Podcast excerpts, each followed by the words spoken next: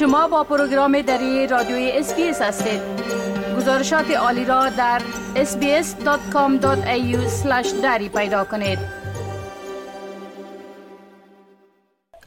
شنونده های عزیز روز دوشنبه دهم اکتبر مصادف است بر روز جهانی بی سرپناهی.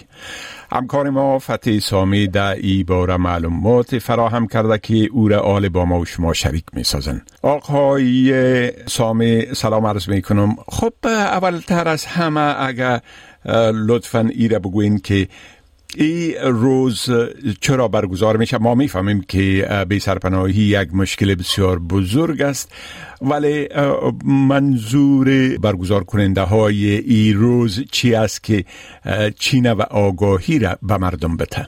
سلام به شما و شنوندای محترم خدمت هر شود اول تعریف بیخانه های است کسی که بدون مسکن دائمی است ممکن است خیابان در پارک ها در استیشن های قطار و یا ترین و محلات متروکه اتاق یک نفری یا وسیله نقلیه و در هر وضعیتی که ناپایدار دشوار و ناچاری غیر دائمی است. که اینجا زندگی می‌کنه. اینا را به اساس تعریف ملل متحد به نام بیخانمان یاد می‌کنن بر اساس سروی جهانی در سال 2005 در جهان 100 میلیون بیخانمان وجود دارد و یک اشار 5 بیلیون جای مناسب و کافی برای زیستن ندارند اما این آمار در سال 2022 به یک لک و به یک میلیون افزایش یافته که دو فیصد نفوس جمعیت جهان نشان میده البته وقتی که ما گیم دو فیصد جمعیت جهان تو خود معلوم میشه در حال بسیار یک رقم درسته و بر اساس سرشماری سال 2016 در آسترالیا در سال 2021 تعداد بیشتر پناه به بیش از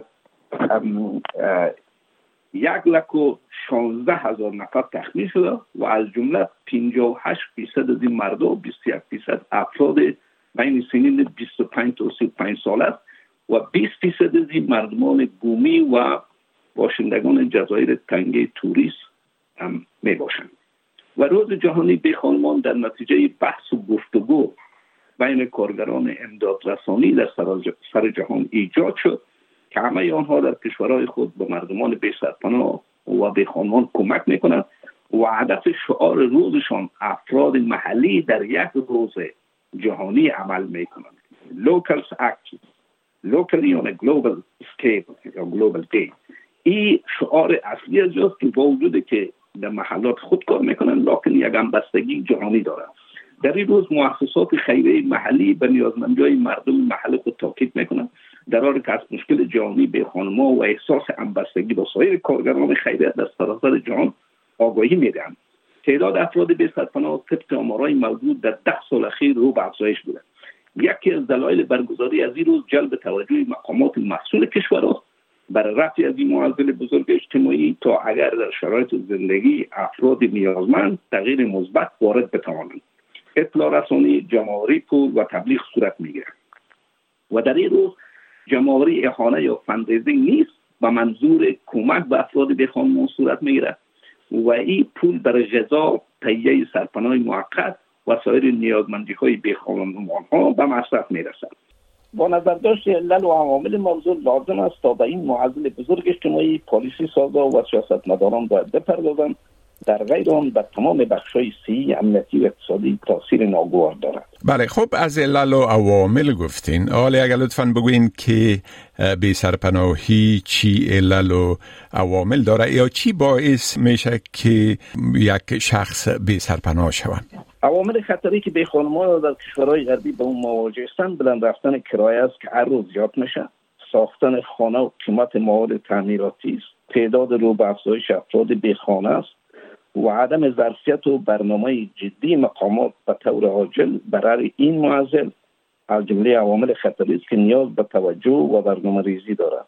برگزاری از این روز جلب توجه و تاکید است که مقامات مسئول حکومتی را متوجه می سازند به خصوص پس از شوی ویروس کرونا و تشنجات سیاسی و جنگ ها در نقاط مختلف به ویژه در اروپا و کشورهای آسیایی در نتیجه رقابت های قدرت های بزرگ بر دامنه این معضل و بی ها تاثیر مستقیم داشته و خطرهایی که این خطرهای بی خانمانی در جامعه نتایج منفی بر صحت فیزیکی بیداشت روانی اتیاد به الکل و مواد مخدر خشونت بیامنتی در محلات و دزدی و تجاوزات میگردن اما از جمله سه عامل بسیار مهم که ایره متخصصین و کسایی که پژوهش رو تحقیق می‌کنن او را این چی کنن که یکی خشونت خانوادگی و از طرف دیگه عدم تساوی اجتماعی بیکاری عدم تحصیل مهارت های لازم و تجربه کاری زندگی با مزد ناچی زندگی در محلات روستایی که امکان رشد افزایش عواید آموزش ندارن. اینها بر پهنا و گسترش مشکل بیخارگی روز به روز می افزاید و از طرف دیگه بیشتر ای به جوانا و کسایی که البته سرپرست دارن و تکلیف روانی دارن سر از جا تاثیر می‌کنه خشونت های خانوادی و در حین زمان غیر قابل پیشگویی است. امکان داره نظام یک خانواده بنابر های مختلف از هم بس کنه و به تعداد به ها زیاد شد بله. و, و, از طرف دیگه در سنین بزرگتر کسایی که در جوانی به این مشکل دچار باشه در سنین کهن هم سنین بزرگسالی البته از این معظم نمی‌تونن خود نجات بدن بله خب می‌تونین بگین که چی مراجع و چی سازمان های با مردم بی سرپناه کمک می‌کنن؟ در قدم اول برنامه و خدماتی که سلیب سرخ البته در نظر گرفته و مؤسسات مختلف در ایالات مختلف استرالیا وجود داره و از جمله یک مؤسسه برای کسایی که کانسال هستند و کسایی که در شعبان ها زندگی می‌کنن و همچنان خدمات که برای بیخانه ها تهیه می‌کنن و کسایی که مخصوصا مشکلات روانی دارن اینها را می‌تونن که برایشان کمک کنه و یک جای دیگه به نام هوملس سرویس هاب یا جایی که خدمات به خانمان هست. اما کسی اگر می‌خواه معلومات بیشتری در این زمینه بگیره باز می‌تونه که www.homelessnessday.australia.org.au به این مراجعه بکنم و یا یک line free line است 13 11 14 و دیگه البته از گوگل کنن و اگر به صورت عمومی معلومات می‌خوان نوشته کنن World Homeless Day. معلومات مورد نظر خود می‌تونن از دست خب آقای سامی از این معلوماتتان بسیار تشکر و فعلا شما را به خدا می سپارم و روز خوش برتان آرزو می کنم همچنان بسیار تشکر لطفا. خدا حافظ. بپسندید شریک سازید و نظر دهید. اسپیس دری را در فیسبوک تعقیب کنید.